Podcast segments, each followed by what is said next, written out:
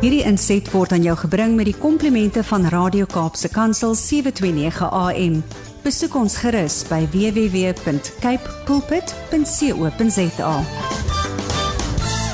My boetie, ek ek praat vanoggend oor 'n baie baie sensitiewe topik, maar maar ek gaan kan uit die woord van die Here uit lees en dan sal ek gou my gedagtes rondom dit deel. Ehm um, ek lees die Engels uh, New King James Version. Uh -huh. Uh James 3 verse 1. My brethren, let not many of you become teachers, knowing that we shall receive the stricter judgment. Mm. For we all stumble in many things. If anyone does not stumble in word, Yeah. he is a perfect man, able also to burn, brindle, bridle the whole body. Indeed, we put bits in the horse's mouth that they may obey us, and we turn their whole body. Look also at ships, although they are large and are driven by fierce winds, they are turned by a very small rudder um, whenever the pilot desires. Mm. Even so, the tongue is a little member and boasts great things.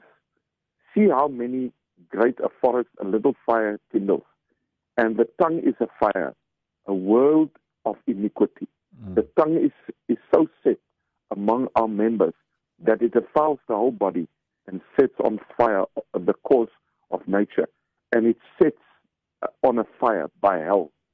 For every kind of beast and bird and reptile and creature of the sea is tamed and has been tamed by mankind.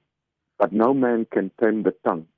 It is an uh, unruly evil, full of deadly poison, which uh, with it we bless our God, our Father, and with it we curse men who has been made in the similitude mouth proceeds blessing and cursing. My brethren, these things are ought not to be. Does a spring sends forth fresh and bitter water? Nou, ek lees dit in Engels uit want dit sê dit net baie beter in die Afrikaans is dit baie meer reguit, maar ek het dit vanoggend so gelees. Ja.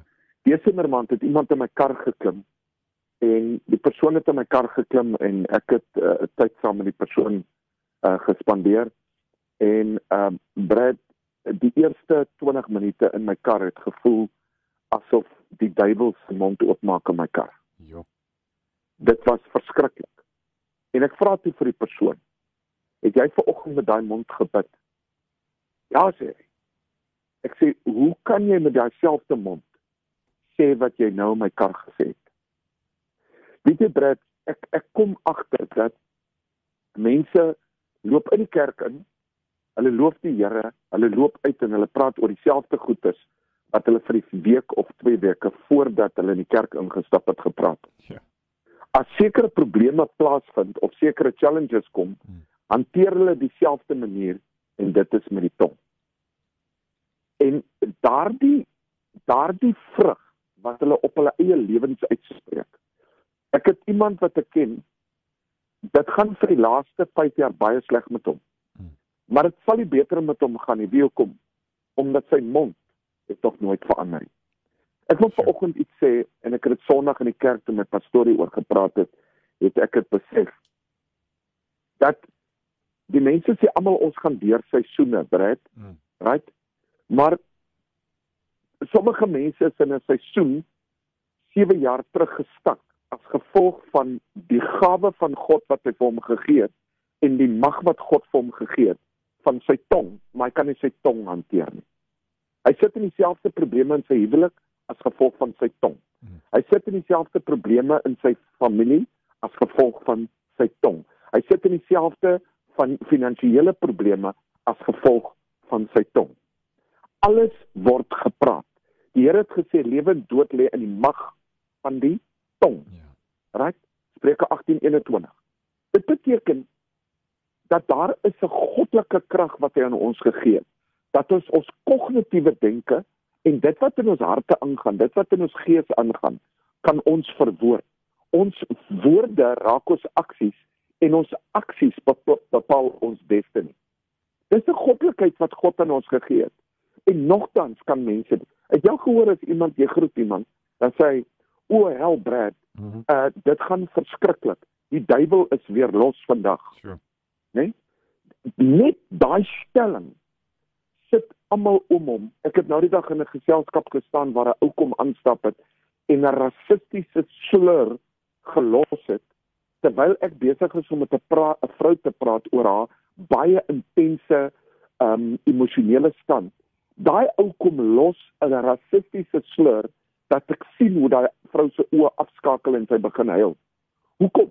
Die woorde is soos sticks and stones wat jy hmm. gooi op iemand se harte. 'n Klomp klippe wat jy daarop sit. En ek het ek het ek en my vrou het 'n het het 'n covenant in ons huis gemaak. Ja. Dat as ons nie met ons tonge kan bless nie, gaan ons stil bly. Ja. Want uit ons mond uit kom die issues wat in ons harte lê.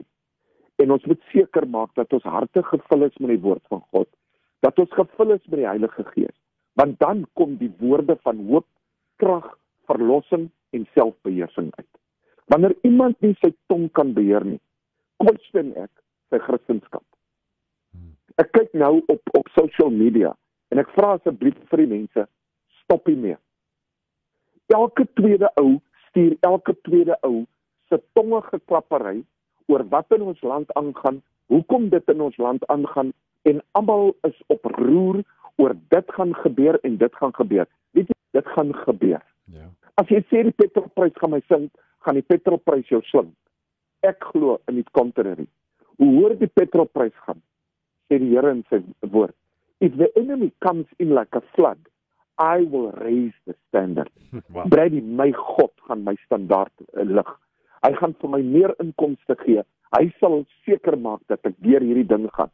Al wat ek moet doen is ek moet 'n wag op my tong sit, my gedagtes capture en ek moet doen wat God se wil is. En ek moet die goeie nuus dra aan my mond. Dis my boodskap vir vandag.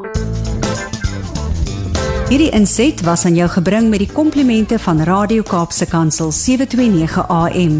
Besoek ons gerus by www.cape pulpit.co.za.